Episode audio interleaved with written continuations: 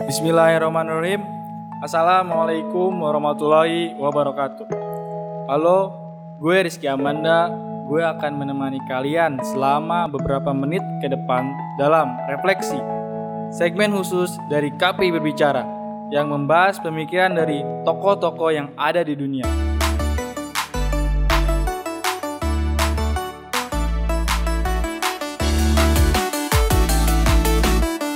Su Hokgi adalah legenda sekaligus ikon bagi kaum intelektual muda Indonesia. Gi menutup usia pada umur yang terbilang cukup muda yaitu 27 tahun. Tapi buah pemikirannya, tulisan-tulisan yang fenomenal, kritik tajamnya terhadap pemerintah, sampai skripsinya tentang sejarah pemberontakan tetap menjadi bahan diskusi dan perbincangan di kalangan akademisi kampus, mahasiswa, dosen-dosen, bahkan para profesor dan peneliti sejarah dari generasi ke generasi hingga saat ini. Lantas, sebetulnya apa sih yang spesial dari hidup Gi? Apa sih yang bisa diraih oleh seorang anak muda hanya dengan 20 juta, 27 tahun hidupnya? Sampai-sampai namanya bagaikan legenda yang terus terdengar dari setiap generasi ke generasi angkatan mahasiswa selama 45 tahun terakhir. Kemudian kelahiran seorang intelektual merdeka. Kalau kalian mau bicara tentang hidup dan buah karya pemikiran Gi tentang Indonesia, sedikit banyak kalian juga harus memahami tentang latar belakang lingkungan pada saat Gi dibesarkan. Untuk seseorang yang lahir tahun 40-an, kalian bisa bayangkan bahwa Gi dibesarkan dan hidup ketika negara Indonesia ibarat bayi yang baru mulai merangkak untuk berdiri berjalan sendiri.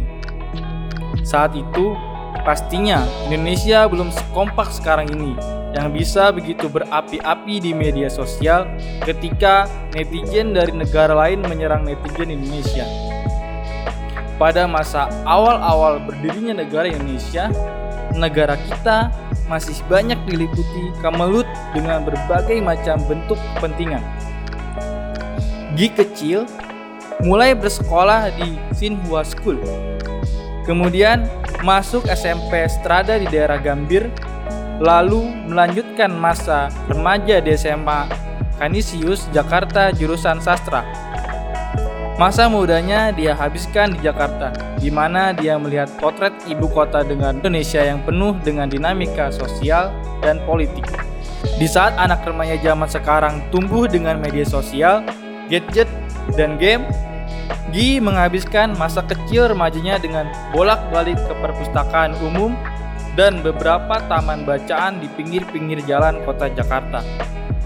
Di saat anak-anak lain seumurannya masih suka keluyuran main layangan, gundu, atau ngoboy keliling kota, Gi mengisi masa kecil remajanya dengan membaca puluhan atau mungkin ratusan dongeng, sastra klasik, filsafat, sejarah, dan biografi tokoh-tokoh yang mengubah dunia. Gi juga dikenal sebagai orang yang paling vokal mengkritik kinerja pemerintah era Soekarno yaitu Orde Lama serta menjadi salah satu arsitek aksi Long March dan demonstrasi besar mahasiswa tahun 1966 yang menjadi awal kebangkitan gerakan mahasiswa secara nasional sementara sebelumnya gerakan-gerakan mahasiswa masih bersifat kedaerahan. Tapi Jangan kalian bayangin, sosok Gi adalah aktivis mahasiswa yang bertampang preman, yang berani berorasi di tengah-tengah bentrokan dengan para aparat. Kalau zaman sekarang, aktivis mahasiswa sering digambarkan sebagai preman kampus yang tukang demo, gondrong, tatoan, kalau demo semangat banget, padahal sebetulnya belum tentu betul-betul paham konteks permasalahan yang sesungguhnya. Gi adalah sosok yang sangat bertentangan dengan image semacam itu.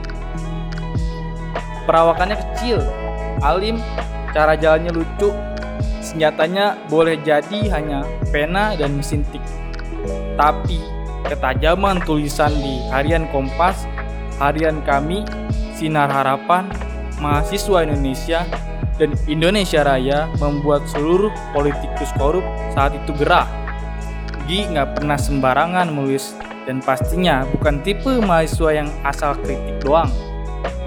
Dia tahu betul situasi ekonomi, dia tahu betul situasi politik, dia tahu betul masalah sosial, peran pemerintah, dan konsekuensi bagi masyarakat luas. Gi tahu betul apa yang sedang dia perjuangkan, dia tahu apa yang dia lakuin. Su Hokgi selama menjadi mahasiswa tidak pernah tercatat resmi bergabung gerakan kelompok mahasiswa berlatar belakang politik. Menurut Gi, universitas adalah tempat paling suci, tempat di mana arus pemikiran bergejolak dan tidak boleh dibendung serta diatur oleh intervensi politik maupun pemerintah. Bagi dirinya, universitas adalah benteng pertahanan terakhir dari sebuah peradaban dan kemerdekaan intelektual sebuah bangsa. Setelah menggulingkan pemerintah Soekarno, lalu apa yang terjadi? Pada masa-masa itu, pasca G30S 65, seluruh lapisan masyarakat di Indonesia diam dalam kengerian. Para awak media dan wartawan bungkam karena takut mengungkapkan kebenaran. Lalu, siapakah orang pertama yang berani berteriak lantang menyatakan kebenaran? Ya, siapa lagi kalau bukan Su Hokgi? Dia adalah orang yang pertama kali dengan berani membeberkan serangkaian peristiwa pembunuhan di Bali rezim Orba yang pada saat itu diperkirakan menelan korban sampai 80.000 jiwa. Keberanian Gi mengungkapkan fakta pada masa itu mungkin bagi sebagian orang saat itu dinilai naif, sembrono, bahkan mungkin tidak sayang nyawa. Tapi bagi seorang Su Hok Gi itu adalah panggilannya sebagai seorang intelektual untuk berani menyatakan kebenaran, ada seorang teman Gi dari Amerika yang menulis surat bahwa Gi akan selalu menjadi intelektual yang bebas tapi juga seorang pejuang yang sendirian. Gi menjawab dengan kata-kata ini. Hanya ada dua pilihan, menjadi apatis atau mengikuti arus. Tetapi aku memilih untuk jadi manusia merdeka. Kata Suhok Gi hobi dan romantisme kehidupan Gi. Di sisi lain kehidupannya, Gi bukanlah orang yang selalu menghabiskan waktunya dengan belajar, baca buku, menulis, dan mengkritik pemerintah. Dia juga manusia biasa dengan segala kekonyolan dan romantiknya tersendiri. Untuk hobi, Su Hokdi yang alim dan badannya kecil ini punya hobi yang agak nyentrik saat itu yaitu naik gunung. Jauh sebelum kegiatan naik gunung itu populer di kalangan anak muda zaman sekarang, Suhokgi, Herman Lentang Maulana, Koi Ganda Suteja, dan kawan-kawannya yang lain menjadi perintis berdirinya Mapala UI, mahasiswa pecinta alam, sebuah organisasi pecinta alam yang sampai saat ini aktif sebagai salah satu unit kegiatan mahasiswa yang disebut UKM.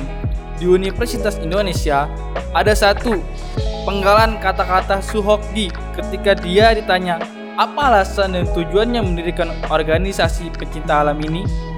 Kami jelaskan apa sebenarnya tujuan kami.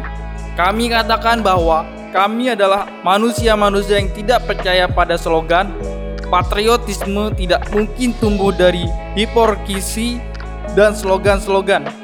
Seseorang hanya dapat mencintai sesuatu secara sehat kalau ia mengenal objeknya.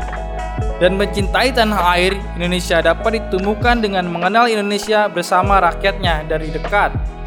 Pertumbuhan jiwa yang sehat dari pemuda harus berarti pula pertumbuhan fisik yang sehat. Karena itulah kami naik gunung.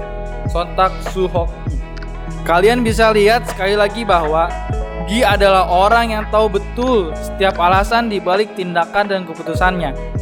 Bagi seorang Gi, rasa nasionalisme dan kecintaan pada bangsa itu gak mungkin bisa dipupuk hanya dengan slogan dan bentuk propaganda yang dicekoki oleh pemerintah. Makanya terjadi banyak pemberontakan pada masa itu. Menurut dia, rasa nasionalisme dan rasa kebersatuan dengan bangsa itu hanya bisa tumbuh jika orang yang bersangkutan terlibat dan menyentuh langsung cara tulus dan melalui proses yang sehat. Satu hal lain yang menarik di balik kehidupan pribadi seorang pemuda yang cerdas dan berani adalah bahwa ternyata Gi itu sangat payah dalam percintaan. Menurut beberapa kawan dekatnya, Gi dikenal sebagai orang pemalu dan payah kalau soal deketin cewek. Tapi di satu sisi, Gi adalah orang yang romantis, pecinta binatang, dan tulus dalam persahabatan. Kemudian, kematian, kesendirian, dan warisannya bagi kita semua. Satu hal ironis yang dalam Gi menjelang kematiannya adalah ketika semua orang lambat laun menjauhi dirinya karena takut dianggap terlibat dan berkawan dengan pembela PKI, pada salah satu tulisan catatan hariannya, Gi menulis bahwa dia selalu merasa dihargai oleh ayah dari gebetannya sebagai seorang pemuda yang cerdas, jujur, dan berani.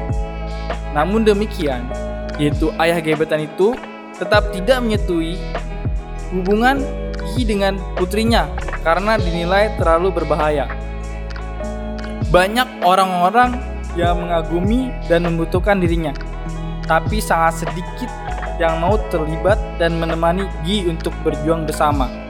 Mungkin itulah tamparan sekaligus ujian terbesarnya sebagai orang yang memutuskan untuk menjadi manusia yang merdeka dalam melawan kesewenang-wenangan.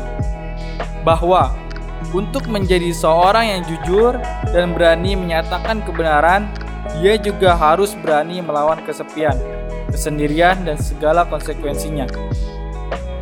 Sekian, semoga apa yang gue bahas di sini bisa menjadi perpanjangan tangan buat setiap generasi yang mendengarkan ini, sehingga bisa kembali terinspirasi oleh potret pemuda Indonesia yang selalu gelisah, yang walaupun sendirian berani berdiri tegak dan berteriak lantang akan kebenaran pada sebuah masa-masa paling gelap dan berbahaya yang pernah dialami bangsa Indonesia. Gua Rizky Amanda pamit undur diri. Mohon maaf bila ada salah di kata atau kami atau kita. Wassalamualaikum warahmatullahi wabarakatuh.